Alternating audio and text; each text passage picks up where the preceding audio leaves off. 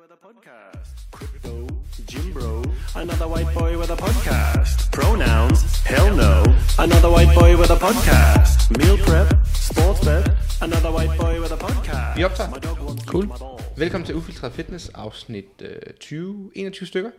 Det er uden Emil i dag, han, øh, han er lige gone. Men øh, jeg sidder her, Victor Mønter, og vi har gæst med i studiet, og øh, vi har jo Jakob med i dag. Ja, mange tak. Og Jakob, øh, fuld navn, adresse skulle jeg sige, fuld navn. Jakob Bus, tror jeg, Ja. vi kører med. og øh, titel, er det prof gymnast? Ja, semi-professionel i hvert fald. Semiprof? Ja.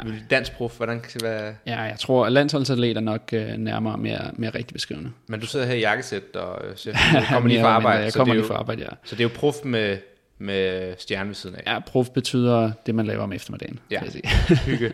Okay, men for Gud at være mand, så er du professionel i vores øjne i hvert fald, men øh, du arbejder ved siden af. Skal vi sige elite- eliteatlet? Eliteatlet, ja. I andre lande vil der måske være øh, mulighed for professionel Ja, karriere. Eller hvad? helt sikkert. Mm. Helt sikkert. Jamen fedt, tak fordi du var med. Selvfølgelig. Øhm, det, det, kan være, super spændende. det kan være, at Astrid, øh, min kæreste her, lige kommer øh, vandrende på et tidspunkt, men øh, vi skal jo snakke om en masse i dag. Vi laver jo lige sådan en gymnastik special, fordi at det er jo trods alt et hvad hedder det, podcast om øh, crossfit og fitness, men øh, gymnastik fylder jo ekstremt meget, og det er derfor, vi synes, det er så spændende, og øh, jeg er begyndt med et lille hold ude i Grøndalscenteret, hvor vi har jo set dig, og jeg har jo set dig nogle år efterhånden, øhm, og set op til dig, og, og synes jo, det er så fedt, det du laver, så tænkte vi, vi vil heller lige spørge ind til alt det her gymnastik, og hvordan det fungerer, og bare høre om din karriere, dit liv, hvordan det er at dyrke øh, sport på professionelt eller så højt niveau der, og sådan en lille, jeg ved ikke, om jeg vil kalde det nichesport, men nichesport her i Danmark, Helt- spons, helt klart leve af det, vi skal snakke om doping, vi skal snakke om træning, vi skal snakke om crossfit, og vi tager det bare lidt, øh, som det kommer. Og så har jeg sådan øh, formuleret nogle lytterspørgsmål, som der var rigtig mange af. Fedt. Jeg glæder Ja. mig. Det bliver super godt. Men Jakob, øhm, profgymnast kalder vi dig. Det gør hvor, øh, hvor er du profgymnast henne? Jeg træner til daglig i den gymnastikforening, der hedder Gefion, som ligger øh, ikke så langt herfra, et stenkast Ja. i Nordvest. I Grøndalscenter? Ja, præcis. I Grønlandscenteret, der har jeg trænet de sidste, øh, skal vi sige, i hvert fald 10-12 år. Mm. Jeg startede min karriere i, uh, i Hermes, som er en uh, lidt mindre forening, uh, lidt mere lokal forening, der ligger ude på, på Frederiksberg. Ja. Super fint sted, og så på et tidspunkt, så, så tror jeg, jeg så mig selv i spejlet og tænkte, uh, enten så bliver det her ved med at være 100% hygge, mm. og så, uh, så fokuserer jeg ikke så meget på det, eller også så, så tager vi lidt et step videre, og så rykker til en større forening, hvor der er landstræner, som, uh, som er klubtræner der også til daglig. Og det har vi ude i Gifion, en lige landstræner. og, Der har vi Marian, som er landstræner, som har været landstræner i... Et, ja, han har lige haft 25 års jubilæum som landstræner i år. for der har jeg mødt der forleden, der ja, har lige præcis, lige ja, præcis, lige okay. præcis. Cool. Sød lille fyr. Ja, ja. Og hvad, det er altid udlænder, øh, udlandske træner, man har. Ja, jeg tror, det er, hvis du skal have fuldtidsprofessionelle folk, der virkelig ved, hvad de laver, så er det typisk øh, folk, fra, øh, folk fra andre lande. Jeg tror, hvis jeg kigger Gamle rundt i Skandinavien, så er der nemlig rigtig mange fra Rumænien. Ja. Men altså, han har, også, han har også en kandidat i gymnastik. Så det er... Han ved, hvad han laver. Ja, ja, præcis. Han ved, hvad han har laver. han selv været gymnast, eller hvordan? Ja, ja, han har været gymnast. Han har været med til OL i, tror jeg, 88 og 92, og har også været øh, vundet medaljer til EM og VM. Okay, så han er, han er legit. han er hardcore. Og hvordan ude i Grøndalscenteret, det er så der landsholdet holder til, eller hvordan? Ja, ikke helt. Øhm, Okay. Det er en klub, som træner der, mm. men en rigtig stor del af landsholdet træner der. Okay, Okay, det landsholdet er ligesom samlet i nogle store centre, så der er et stort center i Aarhus, som er VIK, øhm, og så er der Gefion her, som har de største dele af landsholdet. Jeg håber ikke, at jeg træder nogen over tæerne. Der er selvfølgelig også nogle klubber i Aalborg, og, øh, og sådan lidt rundt, og Viborg, og sådan lidt rundt omkring, men, men de største dele mm. øh, af landsholdene er samlet i, i, i Aarhus i VK, og så i, i, i Gefion her. Så man er ligesom en del af en klub, og så hvis man er god nok, så er man også på landsholdet, og så ja. mødes man til nogle landsholdssamlinger. så Lige præcis. Så har vi nogle samlinger, og når vi er afsted, så repræsenterer vi typisk øh, landsholdet, hvis vi er afsted til EM og VM og så videre. Og hvor længe har du været på landsholdet? Åh, jeg tror... Så længe du ikke Jeg havde, jeg havde, ja, præcis. Nej, jeg havde en lidt uh, atypisk karriere i, i det, at jeg trænede indtil jeg var 18 år, der trænede jeg på meget sådan hyggeniveau. Ja. Agtigt, eller i hvert fald til jeg var måske 15-18 år, der trænede jeg meget på hyggeniveau. Og så, så tog jeg det skifte der til Gefion, hvor jeg begyndte at træne mere seriøst, og så var det faktisk først efter det, at jeg kom på landsholdet. Jeg tror første gang, jeg var kvalificeret til landsholdet, det var da jeg var 18 år. Og hvor gammel er du? Jeg er 28 nu. Okay, så en god 29. 10 år. Jeg er lige blevet 29 11 igen. år. Ja, ved at være deroppe. Præcis, det, det hjælper på det. Men, men typisk så har man jo mange, ligesom i alle andre sportsgrene, så har du nogle junior og nogle mm. youth år, hvor du på landsholdet opbygger noget erfaring. Ja. Det missede jeg lidt, fordi at jeg trænede sådan lidt mere hyggeniveau. Um, og så, Og når du siger hyggeniveau, hvad tænker er det sådan, jamen det var sådan, det var, nej, ja, det var sådan noget tre gange om ugen, okay. øh, et par timer, bare havde ikke nogen, altså det var ikke for at lave talentopbyggende arbejde eller noget som helst, det var bare, jeg gik til noget gymnastik, fordi at det var grinerne at lave nogle saltoer og stå lidt på hænder. Og Ja, sådan. okay.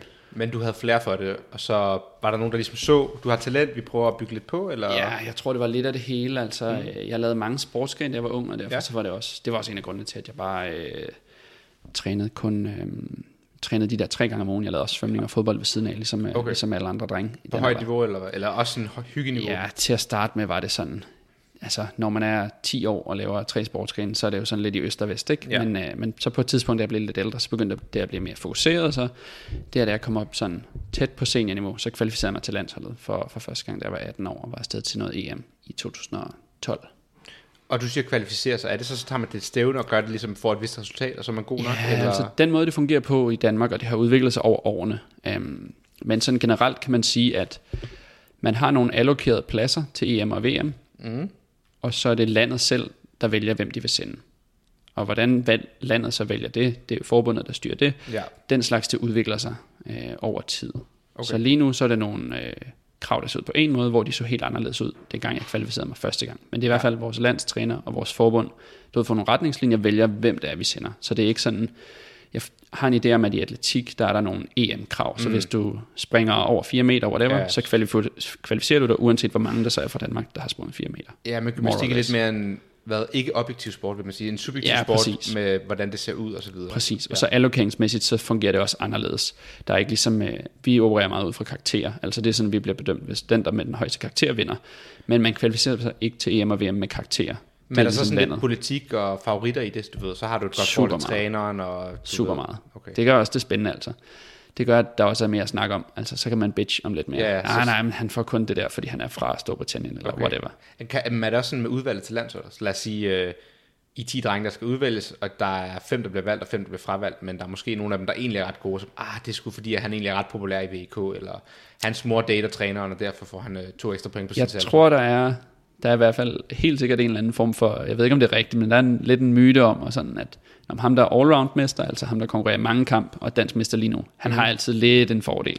Okay. Altså, han er, han er altid lidt darling. Det er Okay. ligesom sådan, men altså, det er jo også bare, vi skal have et eller andet at snakke om. Selvfølgelig. Men hvad, og hvad er det, sådan som jeg forstår det med gymnastik, så Mhm. specialiserer man sig jo i en sport. Eller, altså, der er jo sporten gymnastik, Mhm. men så er der ligesom også en øh, specialisering. Ligesom vi går til gymnastik hos Valdemar, det er Ja. om tirsdagen, og han er springer. Mhm. Og det er sådan ligesom hans special. Hvad er det, du specialiserer dig i? Okay, så vi kan starte med at bryde gymnastik ned i, øh, der er gymnastik, og så er der mange forskellige grene af gymnastik. Mm. Der er springgymnastik, og så er der redskabsgymnastik, og der er rytmisk gymnastik, og alt muligt forskelligt. Og det jeg laver, det kaldte man for 20 år siden redskabsgymnastik, og det hedder i dag idrætsgymnastik. Det er det, man ser til OL med ringe og bar og så videre. Det, der minder mest om CrossFit. Og det kan man så bryde endnu mere ned. Det kan man så bryde endnu mere ned. Inden for det, der er seks forskellige discipliner. Der er gulv, altså spring på gulv, mm. og så er der bensving, det er der, hvor man er på sådan en gammel hest fra alle har set i folkeskolen, Yes. yes. tæsker rundt med benene. Ja.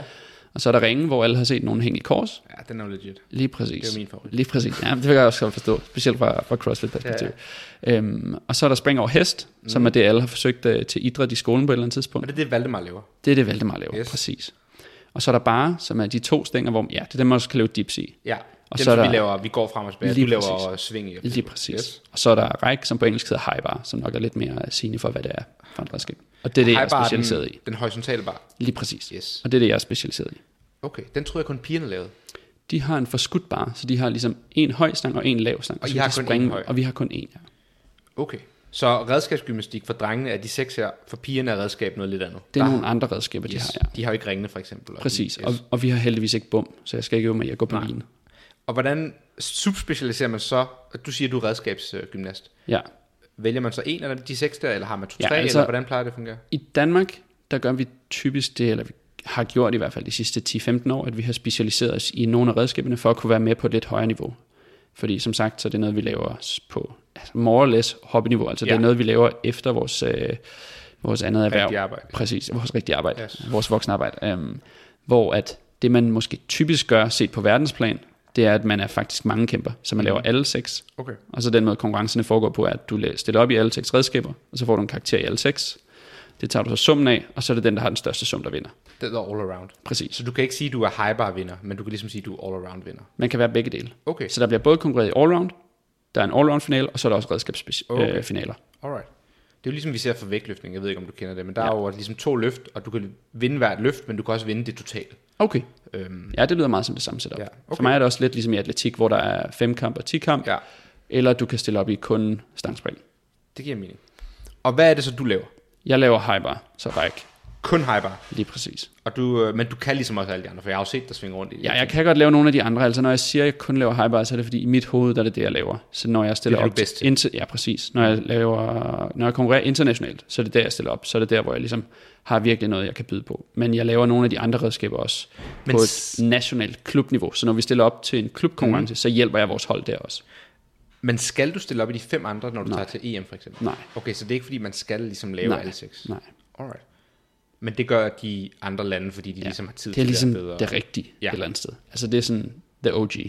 Men ser de andre lande så lidt ned på sådan nogle lande som Danmark og Sverige og Norge? De har lidt mindre lande, der måske ikke har atlet. Nej, det tror jeg ikke altså. Man kan sige, det er den eneste måde, vi kan være med. Jeg tror, jeg tror ikke, der er nogen, der ser ned på nogen, men, men man kan sige, når vi så vælger at specialisere, så er det også fordi, så kan vi rent faktisk gøre skældende. Altså vi er Ja. ikke der hvor I nu, hvor vi vinder medaljer. Vi har en på pisen, Camille, som er super mm. dygtig, og hun er der, hvor hun er sådan tæt på medaljer. I Øh, all around. Øh, nej, i et redskab, okay. I spring og hest. Men hun laver også allround. Ja. Så hun er et eksempel på, at man godt kan lave begge dele. Så hun er allrounder, men så er hun sindssygt dygtig til at springe på hest. Så der er hun ligesom medaljeagtig. Men man laver stadigvæk de andre øh, events, fordi at så kan man kvalificere sig Ja. til EM og VM og så videre. Okay. Okay. På en lidt nemmere måde. Men hvor god vil du sige, du er først, og så Danmark som øh, land til gymnastik? Altså, hvad, hvad har du været med til EM? Har du været med til Jeg VM? været med, et, jeg har været med til EM og Ja. VM og så universitet. Okay. Jeg tror, at min højeste placering er til EM, sådan 20-25 stykker, noget Okay. okay. den stil. Og så til World Cups, som er, ligesom der er i mange andre Ja. sportsgrene, så er det sådan en World Cup-serie. Mm. Der har jeg, jeg tror, jeg havde en, en, en, en sæson, hvor jeg havde 12, øh, 5 12. pladser i træk, eller sådan et eller andet. Okay, så en top 10, top 12 i Europa, vil jeg Ja, sige. ja. Okay, så det er jo, På en god dag. På en god, på en dag. god dag. Der er også dårlige dage. Ja. Dem snakker vi ikke om. Men det vil lyde som en god sæson der. Alright. Og Danmark som helhed, hvad vil vi sige? Er, er vi en gymnastiknation? Er vi Nej, dårlige? det er, det er vi ikke. Altså, vi har en målsætning om øhm, at løfte os som nation, selvfølgelig. Selvfølgelig. Og den målsætning, der er for at træde et skridt op, det er, at hvis du kigger på de hold, der er kvalificeret til et EM for eksempel, så den målsætning, vores forbund har nu, er, at vi skal være blandt de første to tredjedel hold. Så lad os sige, at der er 30 hold med, så skal mm. vi være nummer 20. Ja. Og der er vi ikke ja, endnu. top 20, ja. Præcis. Okay. Der er vi ikke endnu. Der er stadigvæk også et stykke op. ja. Så vi Men er ikke når, en stor når der er et stykke op, af, hvor store er de spring? Altså er der langt fra 20 til 15, eller er det små decimaler, vi snakker om? Altså, jo tættere du kommer på toppen, jo større bliver springene, selvom at øh, talforskellene bliver mindre.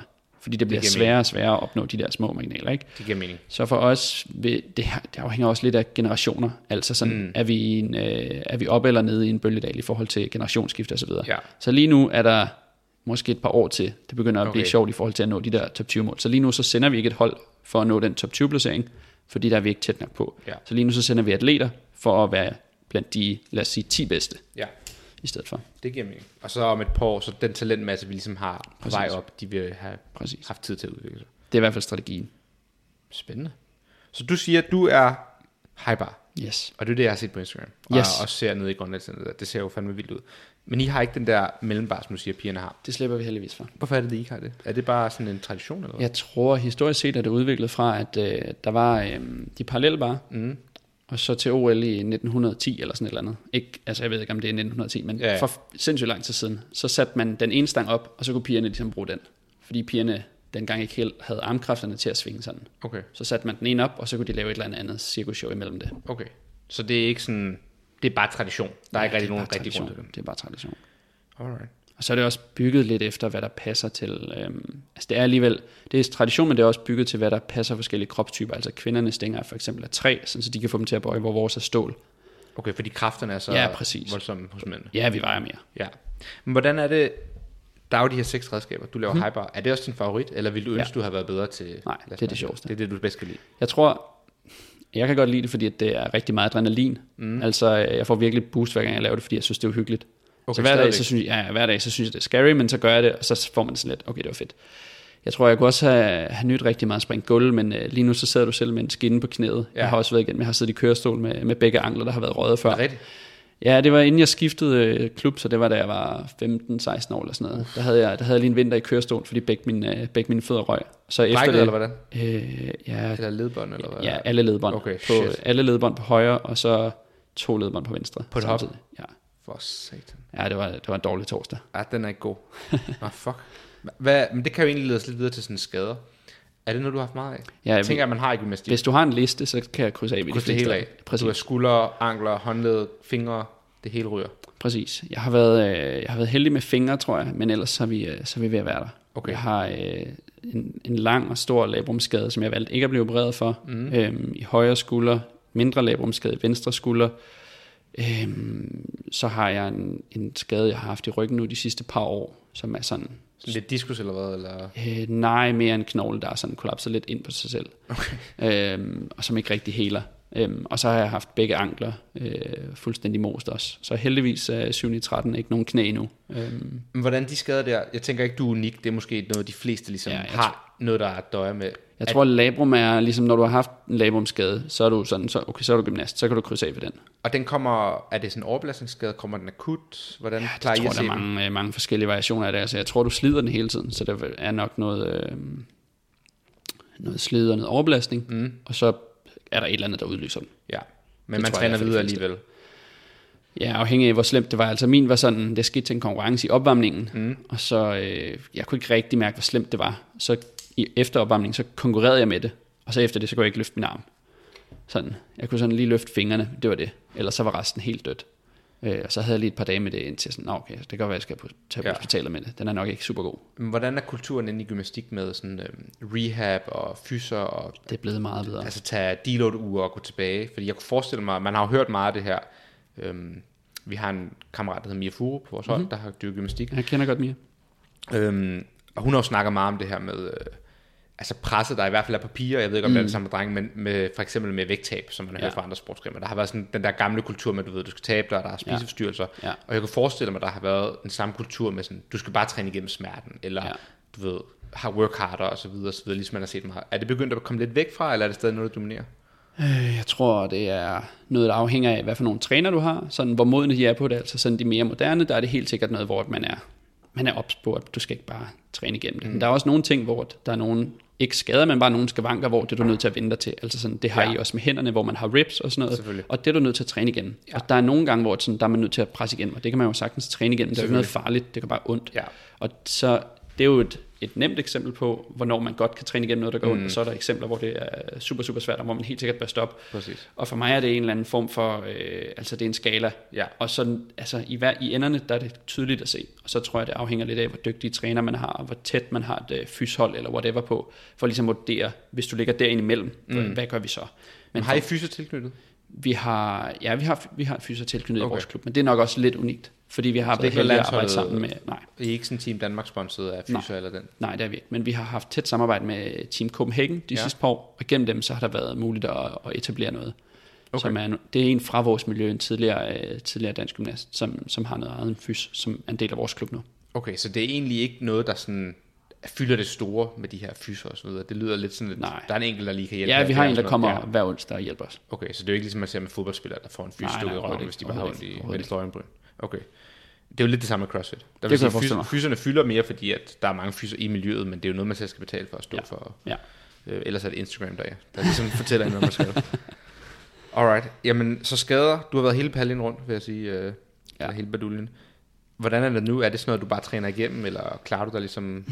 Du Så håndterer nu er jeg på en eller anden måde? 29, og øh, man har jo ikke sådan øh, uendelig, øh, jeg, kan, jeg kan dårligt kalde det ung, ungdom tilbage, men øh, altså, på et eller andet tidspunkt, så kan man ikke mere. Så nu er jeg meget opmærksom på, hvad jeg kan træne igennem, hvad jeg ikke kan træne igennem. Ja, så din træning ser vel også anderledes ud, tænker jeg. Helt sikkert, men og min, og min træning ser også anderledes ud, fordi jeg ikke er i sådan en udviklingsfase mere. Nu er jeg mere i ligesom, Maintenance. når du er ung, ja lige præcis, ja, øh, maintenance og performance. Altså nu Ja. skal jeg ikke lære en hel masse nyt, nu skal jeg bare gøre det, jeg kan, og så Ja. gøre det rigtig godt. Øhm, så jeg skal ikke lære alt muligt nyt, som også typisk er der, hvor man kan få skader. Mm. Øhm, men jeg er meget opmærksom på, at jeg har nogle skader, jeg har en skade nu, som ikke går væk lige forløbig. Øhm, Men men den som, labrum der. Ja, ja, nej, den er faktisk okay. Min, Okay. okay. min rygskade. Yes. Øhm, det har jeg haft i et par år, og jeg har haft næsten et års pause, hvor jeg lod være med at lave noget. Der var ingen forbedring. Man kunne Okay. overhovedet ikke se nogen ændring. Øhm, og man kan heller ikke se nogen ændring efter et halvt år, hvor jeg så gav den rigtig meget gas med træning. Så det gør bare ondt, uanset om jeg laver noget, eller om jeg ikke laver noget. Og det forværrer ikke super meget. Lige præcis. Så jeg kan lige så godt lave noget, bare jeg ikke går sådan altså fuldstændig dødsmode. Mm. Altså jeg skal lade være med at træne sindssygt meget. Der er nogle bevægelser, jeg skal lade være med at lave super meget ekstension for eksempel. Ja. Så jeg prøver at minimere det så meget som muligt.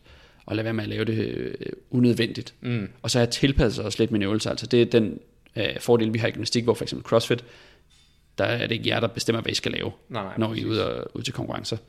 Øhm, men jeg kan jo godt lidt selv bestemme, hvad det er for nogle ting, jeg skal lave. Ja. Altså den måde, vi konkurrerer på, det er, at vi har sådan en stor bog mm. med alle mulige forskellige skills i, og så sammensætter man selv de 10 Så du skills. vælge din egen rutine. Præcis. Ligesom. Ja. Så sam- sammensætter man selv de 10 skills, øhm, som man vil præsentere, som man tænker, man kan gøre det bedst med. Så jeg har tilpasset lidt nu efter en skade. Ja. Hvad for nogle ting skal jeg lade være med, og hvad for nogle andre ting kan jeg så justere efter. Men det lyder egentlig også som en god mulighed, ligesom at, at træne rundt om en skade, fordi at, når jeg har ondt i den her, så undgår jeg de her tre øvelser, og så laver jeg ligesom en rutine med dem her. Det er super fedt.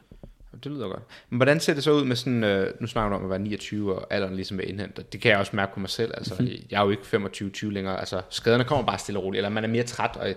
Jeg er jo gået ned i træningsvolumen, bare fordi at man simpelthen ikke kan holde til det. Klart. Og jeg kunne forestille mig, at du har sådan et, du arbejder som konsulent, Mhm. mm-hmm. så du har jo mere end 37 timer. Jeg kunne forestille mig, at du har nærmere 50 timers arbejde. Og det, det er jo også ja. en stressfaktor, og søvn er måske ikke så meget. Jeg ved ikke, om du har en kæreste også, der skal have lidt tid. Yes. Og lige pludselig er der mange faktorer, der giver en masse stress. Du er ikke far endnu, vel? Ikke endnu. Ikke endnu. Måske en dag.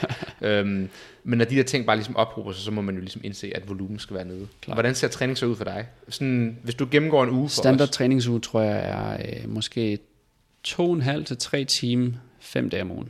Altså det ser sådan ud, at jeg øh, har arbejde, Mm. ligesom alle andre, øh, fra morgenen til om eftermiddagen, og øh, det er heldigvis ret fleksibelt mit arbejde i store perioder, mm. så hvis jeg føler for det, så kunne jeg godt lægge morgentræninger ind. Mm. Jeg føler tit, at det jeg får ud af morgentræning er at blive mere træt til eftermiddagstræning, og så Ja. får jeg ikke rigtig noget ud af nogen af træningerne. Så jeg fokuserer på store aftentræninger, og så har jeg dem to og en halv, tre timer ad gangen. Øhm, og det har jeg mandag, tirsdag, onsdag. Så har jeg typisk en let træning i forbindelse med at undervise om torsdagen, som mm. også er det, jeg skal, øh, når vi er færdige her. Og så en, en stor træning igen fredag og lørdag. Og så laver jeg egentlig ikke det store ved siden af. Altså, jeg laver ikke, øh, jeg går ikke i fitness og træner, jeg laver ikke noget løb ved siden af. Jeg, jeg laver ikke ret meget aktivitet ved siden af, uden, udover lidt dykning og, og undervandsjagt, som er sådan. Okay, så lidt Det kan være hobby. nogle, ja præcis, det er hobby, men det kan være nogle super lange svømmeture. Ja. Øhm, så på den måde er det sådan lidt active, active recovery nogle gange. Men hvis du siger 2,5 til 3 timer fem gange om ugen, så nærmer vi jo også 10 til 15 mm. timers total træning. Mm. Og hvordan sådan, det er jo, for en crossfitter er det jo egentlig ikke særlig meget. Nej, præcis. Fordi vi har jo oftest, øh, i hvert fald på eliteniveauet, mm.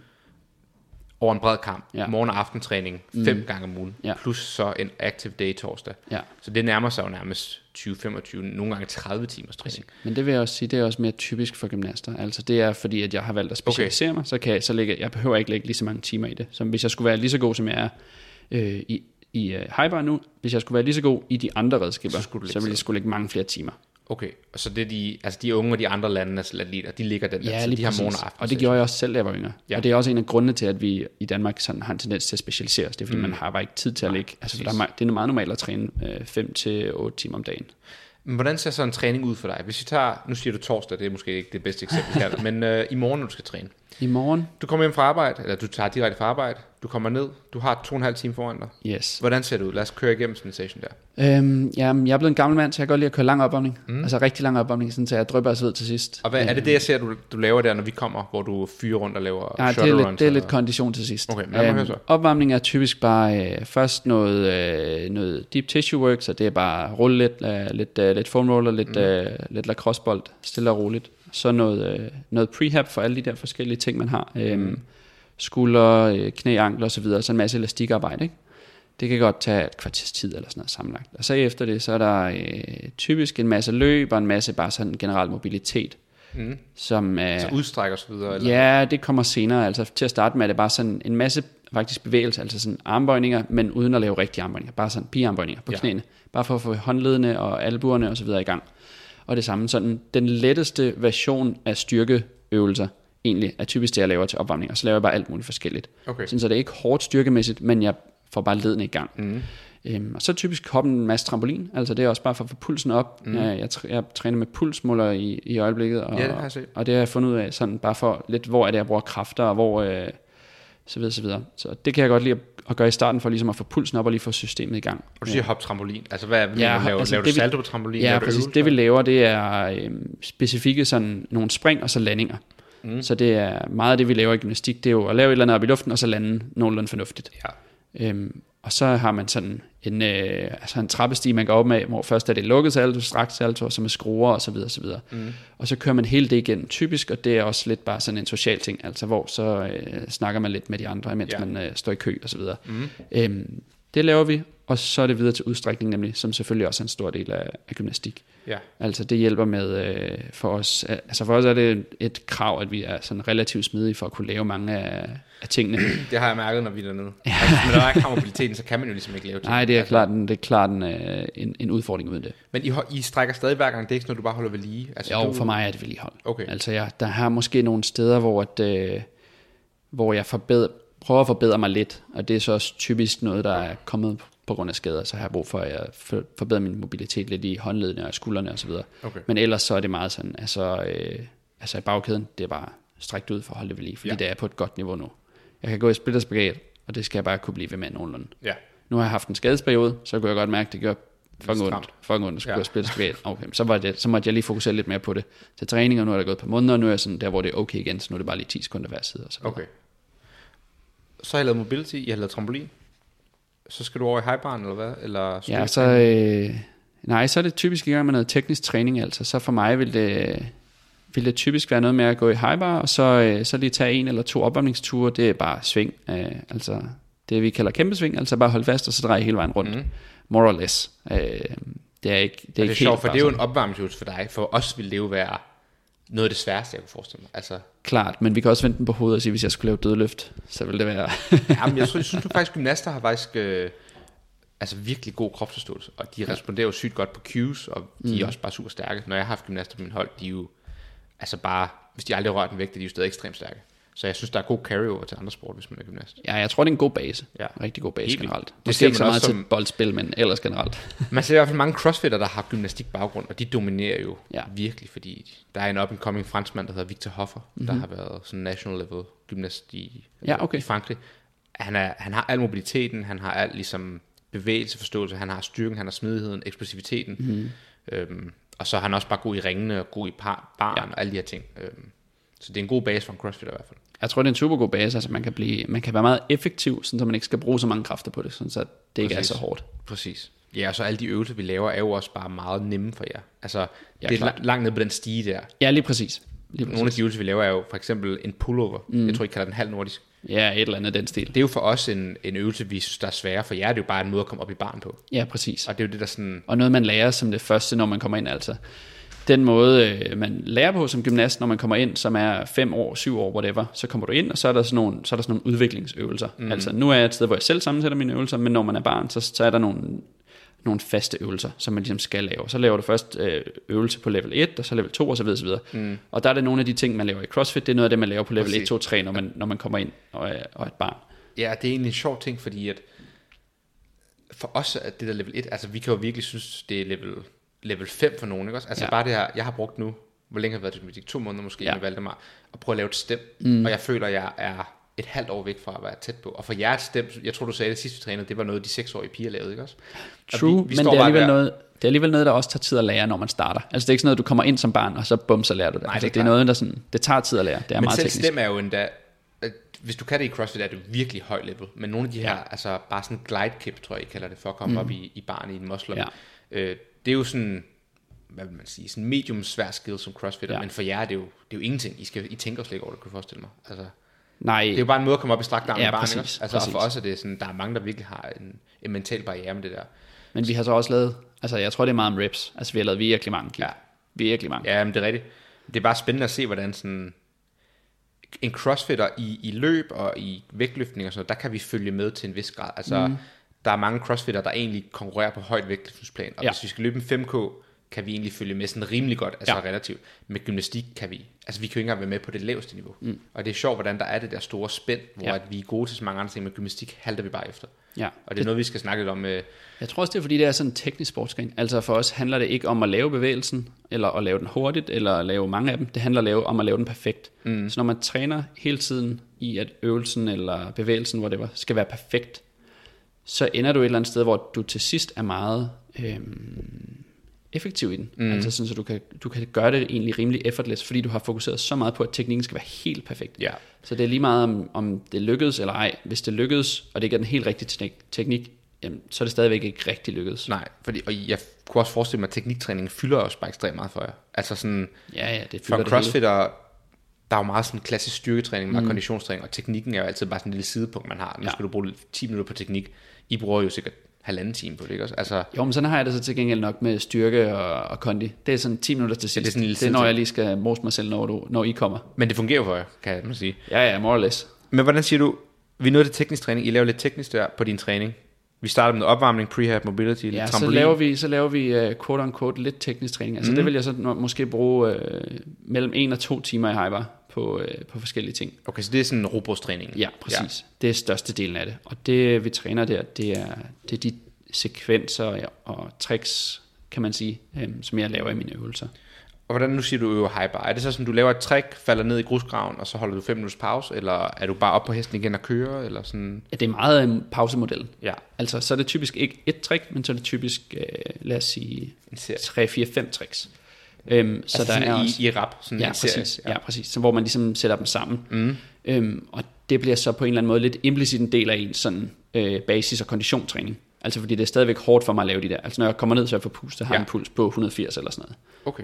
Så det er stadigvæk Shit sådan, alligevel, det er ret højt. Ja, præcis. Hvad er det sådan en serie tager? 30 sekunder, eller hvad? Ja, max. Altså Okay. det tager måske 20-25 sekunder. Så det er meget sådan eksplosivitet, man... Øh, Ja, præcis. Altså det er virkelig eksplosivitet, og så... Øh, ja, det er svært at forklare, fordi det er både eksplosivitet, men så han... Altså grund til, at jeg tror, man får så høj puls også, fordi du er nødt til at være sindssygt spændt Mm, i, i hele øh, kroppen. i hele kroppen mm. samtidig. Så du er hele tiden max spændt. ja. Og så holder man sikkert også vejret lidt. Og... Ja, det tror jeg også, man kommer til at gøre ja. lidt. Okay, så halvanden time ish. Ja, teknisk træning i ish. her, hvor du kører serie, pause, Præcis. serie, pause. Er I et par boys, der kører? Er, er du sådan på et hold, når du møder op, eller har du din egen træning, eller hvordan? Ja, ja nej. Altså, øh, vi er et hold, men fordi at vi alle sammen er specialiseret, så træner vi lidt i, øh, i øst og vest. Okay. Altså, Og så er der sådan en træner, der går rundt, eller hvordan? Ja, præcis. Så Okay. vores træner kører, der er sådan en zoneopdækning, ikke? Ja, Så okay. Vi har en træner, der er i det her område, og en træner i det andet Ja. område. Øhm, vores træner kan godt lide at sidde op, øh, vi har sådan en platform der, hvor jeg laver, mm. laver række, så kan han godt lide at sidde på en platform der, for så kan han, ligesom, så kan han se ud over hele savannen. Kigge ud Så over. kan han se os alle sammen. Og så bare sidde og råbe højt. Ja, lige præcis, Okay. lige præcis. Og så øh, efter hyperen, Så efter hyperen, så vil man traditionelt lave noget styrketræning. Mm. Altså det er bare, styrketræning for os vil være dips, handstand dips og rope climbs.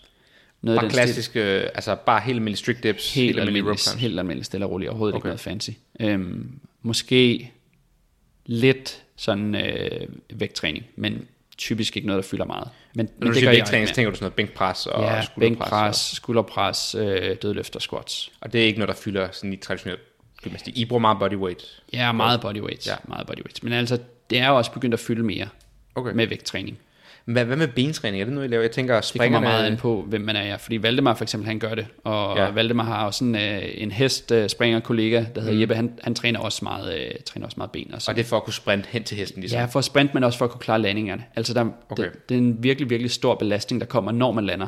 ja, det kunne jeg forestille mig. Øhm, og for mig, der har altså, jeg har en landing, og der er selvfølgelig også meget pres på, men det er slet ikke det samme, øhm, som når man springer hest. Så jeg fokuserer ikke ret meget på landing. Jeg træner ikke ben for at kunne lande. Jeg laver bare et par landinger, så mine ben er klar til det. Og ben, det er ligesom bare ekstra vægt for dig, så det, Ja, ja, der vil ikke være nogen grund præcis. til det. Nej, præcis. Og jeg er fra naturens side udstyret med store ben. Så, øh, Ja, for du er jo ekstremt jacked. Altså i forhold til, at du også siger, at du bare laver lidt dips og rope climbs og sådan noget, så Ja, jeg ligner tror, du en, der øh, træner fuld, Du kunne godt være en crossfit-atlet jo. Altså, ja, ja, ja, ja, dig. jeg er nok mere bygget som et køleskab. Øh, Ja. Du er top to. Det tror jeg mere bare fra naturens side, okay. At jeg har bygget sådan. Og så træne, styrketræner jeg rigtig meget der, da jeg var 15-18 år, hvor Mhm. jeg ville gå fra at lave det på hyggeniveau Til at blive bedre. til at blive bedre. Der gik jeg fra at ligne en badmintonspiller til at ligne mere et, øh, en crossfit eller, et køleskab. Ja, det giver også mening, at man er den der Lige altså teenager, der bliver større. Der kommer bare en masse muskel på. Lige præcis. Efter styrketræning, nogle gange har jeg set det der, hvor du laver sådan noget, så laver du shuttle run ind i stem, Ja. øh, ind i shuttle run ind i stem og sådan noget helt skørt noget. Hvad er det Ja, din der, konditionstræning? øh, Det er min konditionstræning. Altså, det er noget, jeg er begyndt på sent i min karriere at fokusere på og, og mose mig selv med, med konditionstræning. Altså, det er noget, vi gør meget specifikt og op til konkurrencer. Og vi har perfektioneret det her hen over de sidste par år i forhold til det, jeg laver. Sådan, så det er noget, der skal emulere eller på en eller anden måde minde, mig, minde min krop om det, jeg laver, i, øh, når jeg laver min øvelse. Mm. Og så bare parret med en masse sprints, altså suicides eller, eller 25 meter sprints. Mm. Og så bare forsøge at lave tingene sådan teknisk rigtigt, mm. når man er fuldstændig død. Men det ser helt, og det er meget crossfit jo, for det Ja, ligner nemlig det der jeg hold teknikken, når man er træt. Og når jeg ser det, ser det bare helt skørt, at du laver jo, også til lytterne, der er med, det kan være lidt svært at visualisere, men Klart. der er sådan nogle modder, som er ret bløde, som man Mhm. synker ned i.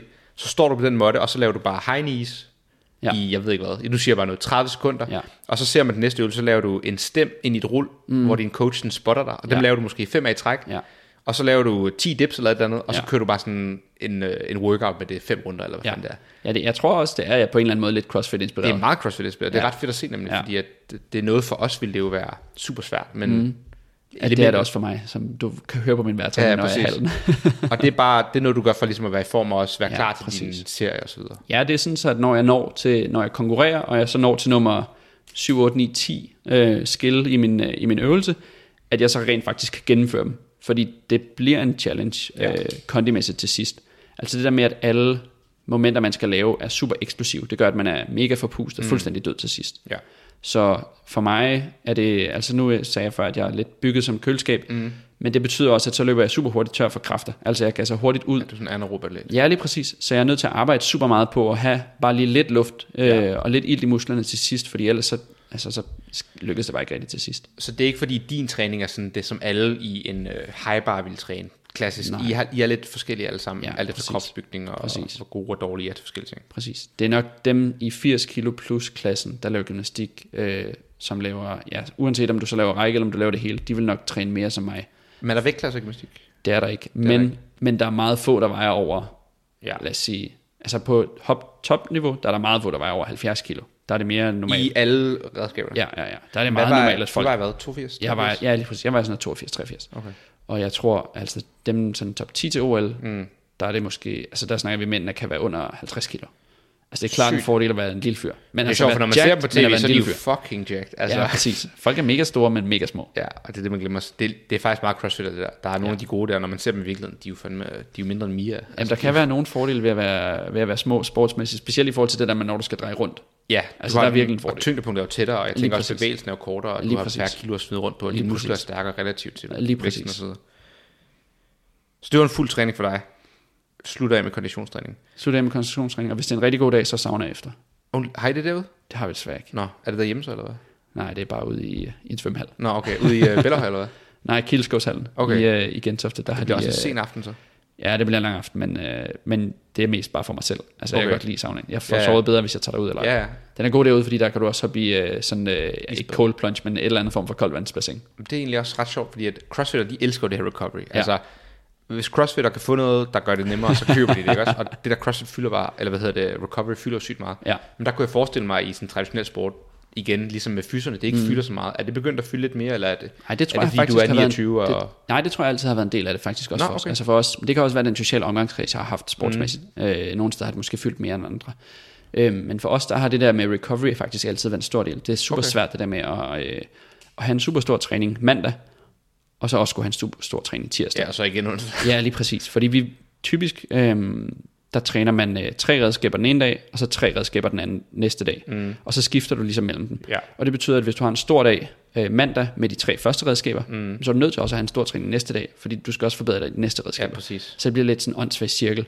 Men det har bare gjort, at vi har altid haft rigtig meget fokus på det der med, med recovery. Og søvn og så videre. Ja, lige, ja det er måske mere kommet de sidste fem år, Ja, okay. Hvad, er du Team Danmark? Øh, nej, vi er ikke Team Danmark. Gym, øh, gymnastik er som sport ikke øh, støttet lige nu af Team Danmark. Det er egentlig også skørt. Men har det været det? Ja, det har været. Hvorfor? Det har mistet man for nylig her, eller hvad? Ja, jeg, jeg ved det faktisk ikke. Jeg tror, det er noget politisk, eller også er det resultatmæssigt. Men i al den Okay. tid, hvor jeg har været sådan øh, fast på landsholdet, som mm. er måske siden jeg var 20, så lad os sige 8 år, Ja. der er jeg ret sikker på, at Team Danmark ikke har været ind over. Men det er også spændende, for det er det, vi skal snakke om med dit, øh, og der er mange lyttere, der har spurgt ind til det her med sådan, det der med at jonglere elitesport og professionel sport mm-hmm. sammen med, hvad vi vil kalde, altså elitearbejde, eller sådan. Ja. Du er jo konsulent og arbejder ud af fuldtid. Men også det her med sådan spons og penge og støtte, ja. og... Hov, nu kommer Astrid. Ej, Astrid, du kan lige være med. Hej. Hej. Hvad hedder det? Um, og hvordan det er med sådan, øh, med støtten, altså du har jo skulle arbejde ved siden af selvfølgelig for at få et, Ja. øh, et liv til at fungere og Yes. have noget efter gymnastikken stopper.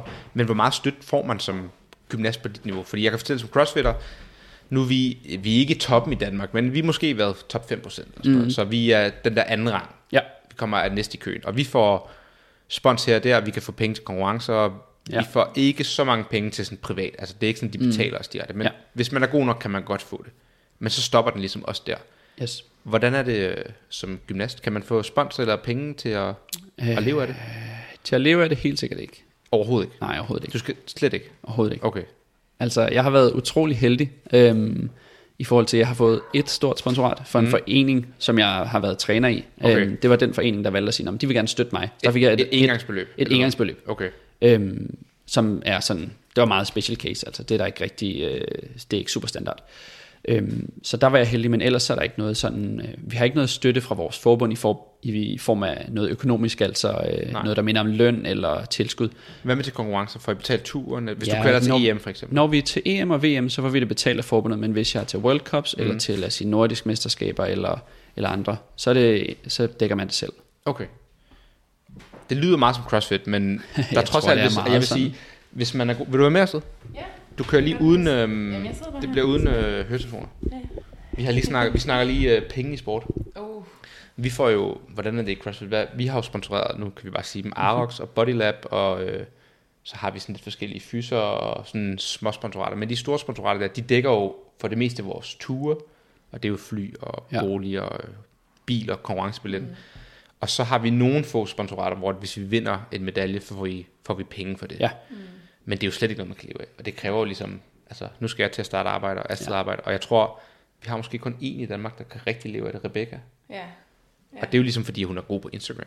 Altså, Ja. det er jo egentlig ikke, fordi hun er god til sport. Altså, man kan sige, hun er stor på Instagram, fordi hun er god til sporten, men Ja. det er jo ligesom antallet af følgere, der gør, at hun kan leve af det. Ja. Øh, og den næstbedste Julie, hun, kan, hun bliver arbejder som læge ved siden af, og hun er trods ja. alt næsten lige så god. Og det er bare sådan, mm. Det er lidt, jeg tror, du skal stille dig på der. Men er det det samme i gymnastik? Altså, Ja, det er helt sikkert. Det har vi lige spurgt om, men der er ikke okay. nogen penge der. Så. Nej, okay. Øhm, og det er lidt spøjs, fordi at, ja, det er jo egentlig en fed sport, og der er jo mange, der ser det til Også OL det og der, videre. ja, det er et OL, altså et OL Jo, men hvis du så ikke? det, tager den tv-tid og deler den ud over de fire år, der er True. mellem en OL-cyklus, så er det altså ikke særlig mange sekunder om dagen. Nej, Altså det er meget få, øh, Ja, for i, meget de, få i, i de sponsorminutter. fire år mellem, der bliver ikke set meget OL på tv. ikke, overhovedet Nej. Eller undskyld, øh, gymnastik på tv. Nej, præcis. Nej. Altså fra sponsorperspektiv, så kan jeg godt forstå det. Altså det er ikke super attraktivt. A, det er en sport, som er svær at forstå, når du ser den. Mm. Altså det er svært at forstå, hvem der vinder, hvad er godt, hvad er Ja, ja, dårligt. præcis. Og så er der ikke særlig meget tv-tid generelt. Nej, true.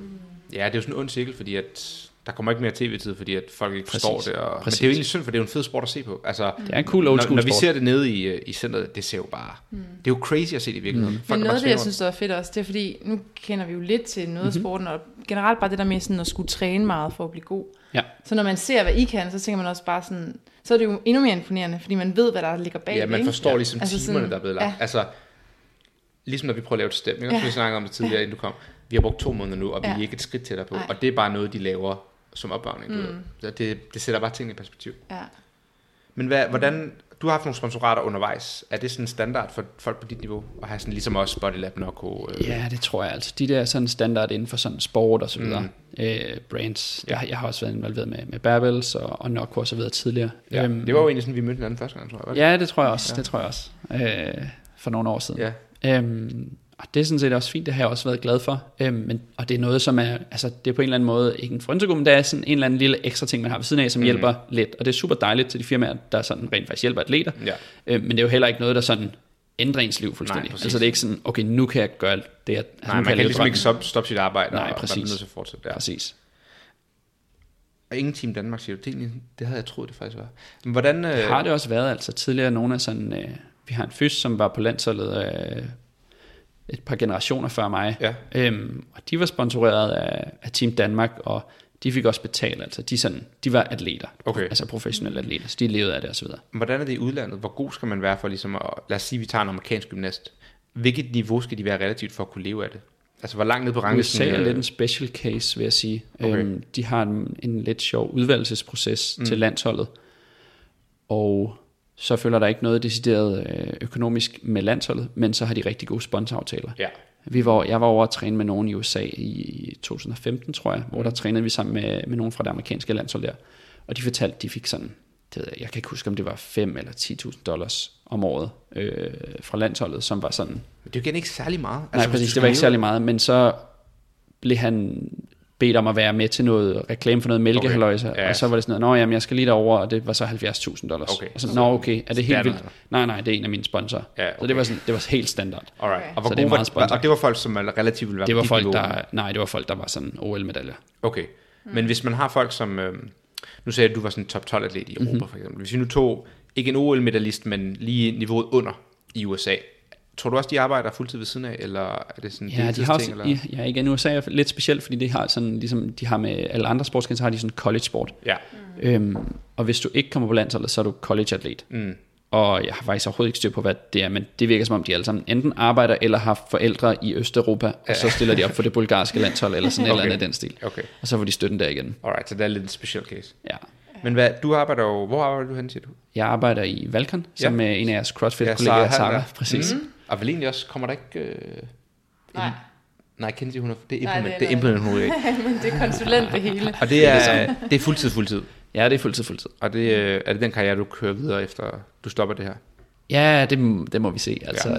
Planen var egentlig, at, at jeg ville stoppe med, med gymnastik, sådan konkurrenceniveau på internationalt niveau, når jeg startede med at arbejde, men jeg havde svært ved at lægge det fra mig, mm. og så havde jeg lige en sæson, hvor jeg tænkte, "Nå, men jeg kører det bare på halv gas, og sådan ved siden af, og hvis jeg har noget, jeg skal om aftenen, så gider jeg ikke at sådan tvinge mig selv til træning, eller Nej. jeg gider ikke ødelægge min kalender, fordi at jeg skal til træning. Øhm, og så havde jeg en sæson med det, og så endte jeg med alligevel at blive udtaget til landsholdet, selvom jeg ikke rigtig havde nogen ambition om det. Øhm, jeg tog bare med til de der, jeg tog, jeg tog med til de der events for, sådan, øh, for det sociale omkring det. Ja. Og så endte det med, at øh, lidt tilfældigt, at han, om, vil du ikke med til de her, de her konkurrencer for landsholdet. Okay. Og så, øh, så havde jeg lavet nogle rigtig gode resultater faktisk. Mm. Og, øh, og det fortsætter sig ind i den sæson, vi er i nu, hvor jeg har haft min bedste resultatmæssige sæson nogensinde. Nå, Øhm, og jeg tror, at, at det er måske også igen lidt tilbage det der med alder, man begynder at reflektere lidt over tingene. mm. For mig tror jeg, det har betydet rigtig meget, at man ikke længere er gymnast, eller man ikke er sådan en sportsmand. Det ikke er ens fulde identitet. Ja, der er ligesom men et, at man øh, har ligesom et liv, og så har man nogle forskellige byggeklodser. Så nu er det sådan ligesom, nej, men jeg har mit liv, og jeg har et arbejde, som jeg er glad for, og jeg har nogle andre ting i mit liv, som er ligesom, det er mig. Og så laver jeg noget sport, som jeg super godt kan lide. Og så når man lykkes med det, så er det, øh, altså det er et plus på en anden måde. Man, er, man føler ikke det samme pres, som før, hvor det var, da det var min identitet, da når jeg var ude at konkurrere. Ja. Så var det sådan lidt, okay, hvis det, den her konkurrence går dårligt, så er jeg dårlig. det er super Ja, spændende. Vi har snakket om præcis. præcis det her i CrossFit med Ja. især unge atleter. Ja. De der 20-25, der Ja. Ligger alt i at være atlet, fordi de ligesom ikke har opbygget mm. andet ved siden af. Ja. Og når det så går over helvede til, så er de også bare dårlige mennesker, Ja. og de ser ned på sig selv, mm. og jeg ved Ja. ikke hvad. Hvor dem, der ligesom har en tendens til at slå igennem, det er dem, der kan nuancere deres liv. Ja. Og sådan, nej, det var bare et dårlig konkurrence, men jeg er stadig en sød person, men Ja, det, eller har en god kæreste, eller hvad det nu er. Men det er jo også svært, man bliver også nødt til sådan lidt at satse på det, fordi man bliver nødt til at lægge byggestenen for at, ligesom at, at, at kunne være god. Ikke? Altså du har jo trænet Helt mange klart. år for at blive god, for at Ja, kunne 100 procent. tage et step tilbage. Ikke? Ja, lige præcis. Altså, Altså- det, det kræver, at du ligesom har været det der store volumen igen, hvor du også sådan, mm. Ja, hvor du skal udvikle dig rigtig meget, og så på et eller andet tidspunkt, så kommer du til et, ikke et plateau, men alligevel mm. et, et andet niveau på en eller anden måde. Mm. Og der tror jeg, jeg er nu, um, og det er jeg rigtig glad for, det har gjort, at det er noget, som gør mig, altså det giver mig super meget glæde, mm. og nu snakker du om, om ah, hvordan det er med balance mellem Ja, hvordan arbejde du og, jonglerer sådan øh, Præcis. hverdagen. Og, og det er egentlig ikke så meget at jonglere for mig, fordi jeg synes, arbejde er super fedt, og det er, altså, der er gode dage, og der er dårlige dage, det er det som for alle, mm. uanset hvad felt du arbejder for, men så når klokken er 4-5-6 stykker, whatever man er færdig og tager i hallen, så er det ikke sådan, nu skal jeg i hallen. Det er sådan, Det næste fuck yeah, let's go.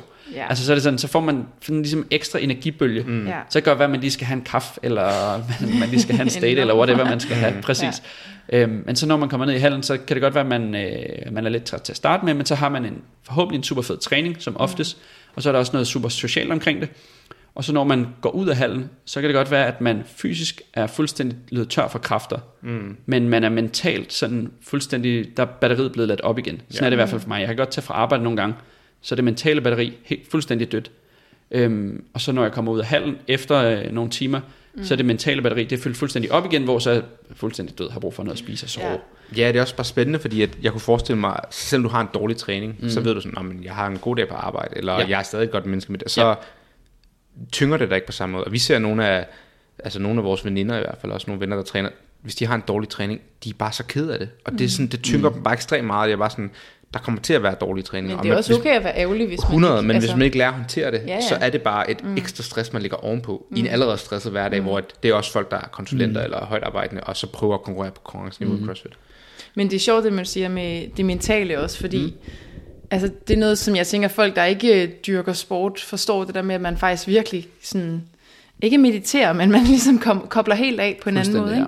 Altså det tænker jeg også, at der må være et eller andet øh, meditationsagtigt element i den måde, du sådan skal fokusere på. Altså man skal jo ligesom kun fokusere på én ting. Ja, det altså tror jeg helt sikkert, der er noget rigtigt der Du ved, i nogle punkter, ikke? Og sådan, måske delt op med, at man så skal øh, tænke på teknik, og der er meget svære ting og så videre, når man lærer noget nyt, men Altså men en ting, som jeg i hvert fald af. rigtig godt kan lide, er, at du kan ikke tænke på noget andet. Ja, præcis. Altså når jeg laver ja. noget, så kan jeg kun tænke på det. Ja, Jeg kan ikke, mens jeg sådan der svinger rundt op i luften, så kan jeg ikke tænke på, åh oh, fuck, jeg skal også have sendt en mail til ham der, og Nej, de der slides, skal, ting skal lige alignes og så videre. Ja. Altså jeg kan kun tænke på det. ja. Og det giver en ligesom det der mentale sådan. For mig føles det som om, at jeg lader op, men altså man kobler jo fra, fordi at man Mm. ikke kan tænke på noget andet imens. Men jeg tror, det er det der, altså, hvor jeg føler netop, at det er lidt meditationsagtigt, fordi man 100. faktisk kun fokuserer på én ting. Ja. Øhm, så det er jo 100%. virkelig fedt, at du kan få det til at fungere på den måde. Jamen for mig er det ikke, at jeg kan få det til at fungere. For mig Nej, der er det ligesom at måden, det jeg får... fungerer. Ja, det er lige præcis det er måden, at det fungerer Ja. på. Mm. Præcis. Helt sikkert, ja. ja. Hvordan er det så med, øh, hvis vi lige skal sådan køre emnet lidt videre? Mhm.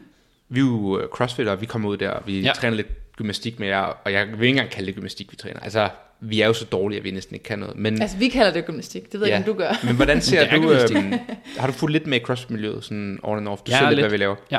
Hvad ser du sådan, ser du nogle store røde flag, som crossfitter laver? Eller ser du noget, hvor du tænker, det er simpelthen så lort det der, eller noget, du tænker, det vil de have gavn af? For ligesom vi snakker om før med, at Mm.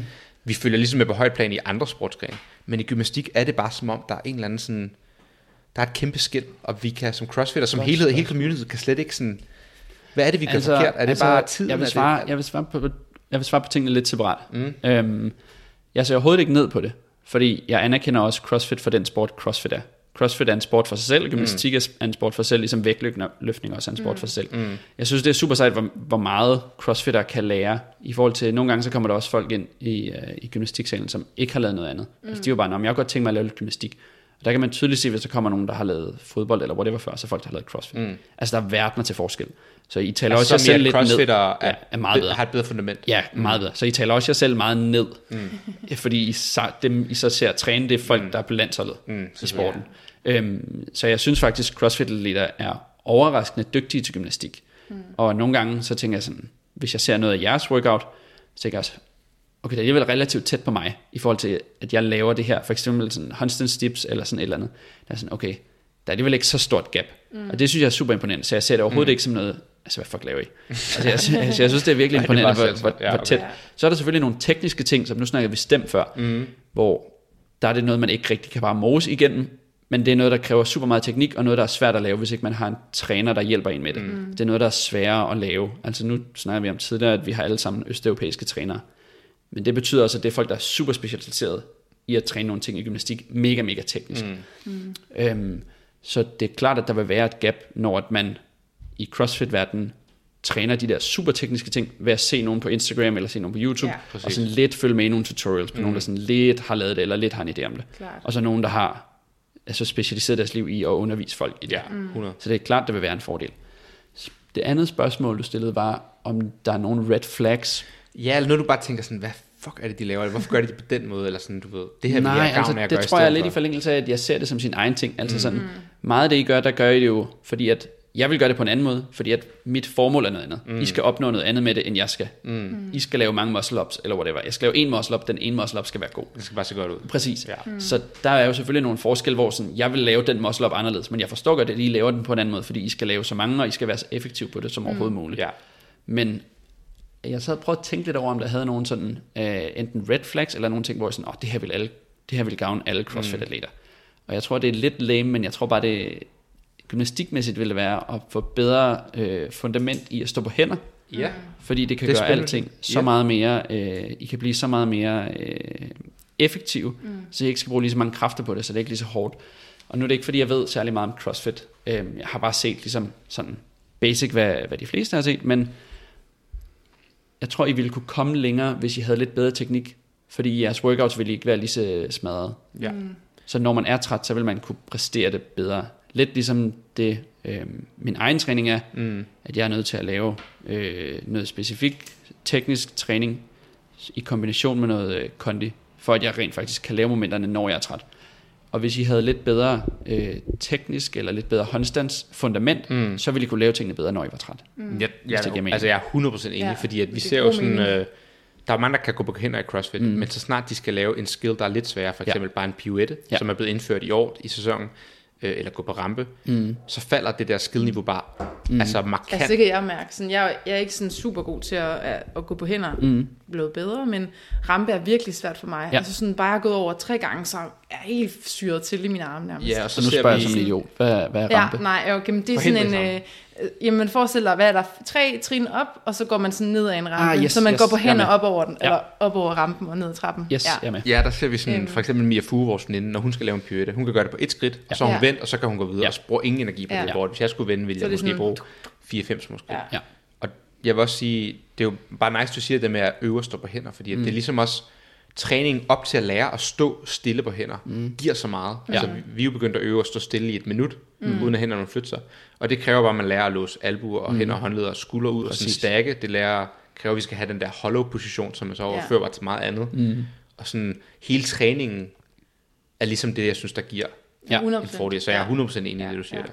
Det der med at låse, låse i albuerne og sådan nogle ting, altså fordi der er sådan små detaljer på plads, det ender med sådan, når du sådan lægger alle de ting sammen, så gør det bare super stor forskel i, hvor mange kræfter du skal bruge på det. Og man kan bare se på et sekund, når nogen har dyrket gymnastik og mm. kommer i CrossFit. Det der med, at de for eksempel kan overstrække albuen næsten. Eller ikke ja. overstrække, Nej, men, men- sådan, man, man er bare ikke i tvivl, man er ja. sådan, hun har lavet gymnastik. Ja. Det sekund, de Helt kommer op hænder. Altså. Ja. Ja, det Men kan jeg også se. Men hvad, hvad med sådan, for eksempel det der håndstand? Altså, hvor lang tid tager det at blive god til bare... Altså, hvor lang tid kan du stå på hænder? Altså, bare sådan... Det er et godt spørgsmål. Det ved jeg faktisk ikke. Altså, kunne du godt bare sådan easy tage et minut? Ja, det, det tror jeg. Ja. Eller ja, det kan jeg godt. Easy, Ja, han kunne. det ja, kan ja, jeg okay, fordi sådan, det synes jeg er vanvittigt. altså har også kunne og stå... Nå, ja, okay, men så to, men anyways, bare sådan stå helt stille, det tænker jeg, Ja. det, det tager da lang tid. Det tager lang tid at lære. Altså, Altså- altså det er svært for mig at svare på, fordi Ja. hvor lang tid tager det at lære? Puh, Altså, jeg lærte Ja, det, da ja, jeg var barn, og der tog det noget men tid at lære, ikke? Ja, Øhm, men det vi gjorde rigtig meget, da jeg startede gymnastik, det var sådan også bare for at øh, sådan ligesom conditione hænderne og albuerne osv., det var sådan noget, efter opvarmning, tre minutter op af hænder. Mm. Eller tre minutter på hænder op ad væggen. ja, Så først tre minutter med ryggen mod, okay, så får, du lige, så får I 30 sekunders pause, og så tre minutter med maven ind imod. Okay, Okay, Ja. så starter træning. Sygt. klart. så er man klar. Så er håndledene varme. Det, men det er det, jeg mener, sådan jeres opvarmning nærmest, eller sådan conditioning er jo bare, det vil være så hårdt for en crossfitter at lave tre. Altså, jeg vil have Det vil også være... 6 minutter op af hænderne. Det Altså, vil være helt vildt hårdt for mig at lave nu. Altså det var noget andet, dengang jeg nu vejer du vejede, nu vejede, Ja. dengang vejede jeg måske 35 kilo, eller jeg ved ikke, hvor gammel jeg var, men altså, Ja, det der med, at man lærer det, når man er lille, mm. øh, det er også derfor, det er en stor fordel i gymnastik, det der med at være en, en lille fyr eller en lille pige. Mm. Også derfor, man ser i gymnastik på pisen meget, at folk topper super ungt, fordi at, altså, det er noget andet, Ja. når du skal lave det, når du er lille bitte og ikke har så mange, øh, meget wear and tear på. Men det er også bare den der tid, man lægger i det. Hvis man ser crossfitter, der har i hvert fald været en tendens de sidste mange, de, de sidste 10 år, eller sådan noget, med at folk har lavet vægtløftning i hvert fald tre gange om ugen. Ja. Oven i det har Ja. de lavet squats. Men Præcis. gymnastik, i hvert fald sådan noget strict gymnastics, ja. Eller hollow, eller hvad Ja. man vil kalde det, mm. det har været en gang om ugen i 20 minutter, eller sådan noget. Og det begynder at fylde mere og mere, men en gymnast laver jo, som du siger, fem gange om ugen mindst, mm. en time eller sådan noget af det her. Ja. Så det er jo klart, at vi, vi hænger bare bagud i bremsen, fordi Men, at, altså, det er jo alt lige også bare en sværere sport. Altså for eksempel, nu har vi jo gået til vægtløftning, og det er en del af mm. CrossFit, som det er, øh, som gymnastik også er. Mm. Og jeg skal stille op i et VL-stævne, og det er der jo mange crossfitter, der gør, men der ja. er jo ingen, der stiller op i noget gymnastik. Altså du ved, Nå, det det, i noget snakker om, gymnastik. ja, Ja, Men altså, jeg man synes, slet ikke jeg synes, I sådan- skal begynde. Ja, det, vil, det vil være et cirkus, men altså sådan, det vi, tænker jeg bare, det viser jo også bare, hvor meget mere, hvor meget sværere det er. Altså, Ja, eller i hvert fald var meget mere specialiseret sport. der. specialiseret, ja. Ja, helt sikkert. Men jeg tror i hvert fald, mig og Astrid kan i hvert fald anbefale, at man starter i en lokal klub. Mm. Vi startede ud i G4, vi ringede mm. bare ind til klubben, og sammen med en, der hed Sofie, og spurgte, om vi måtte oprette vores eget hold. Ja. Sådan et lukket hold, fordi at der var det der voksenhold om mandagen, men yes. vi ville godt have ligesom vores eget, hvor vi kunne fokusere på CrossFit ting. Og de var sådan, hey fint, I skal bare være 16, så øh, opretter vi det.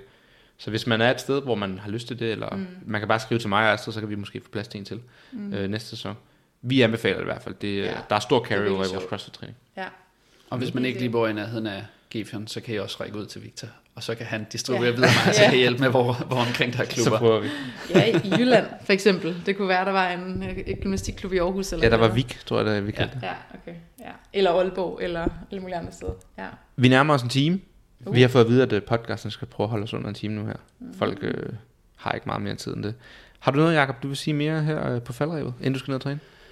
Nej, ikke andet end de der spørgsmål må vi nå på et andet tidspunkt. Ja, jamen, jeg har prøvet at flette dem sådan lidt ind Okay, løbende, så jeg synes, øh, de har været ret gode. Jeg tror, folk har fået... Øh, At jeg vil egentlig godt have hørt lidt mere om dit arbejde ved siden af, men øh, Det kommer en gang. det kommer en gang. Vi kan godt tage dig med en anden dag. Tusind tak, fordi du var med. Det var, Det super, super lærerigt og spændende, og jeg synes virkelig, det er en fed sport. Det kunne faktisk være fedt at lave et afsnit, hvor vi sidder nede i hallen.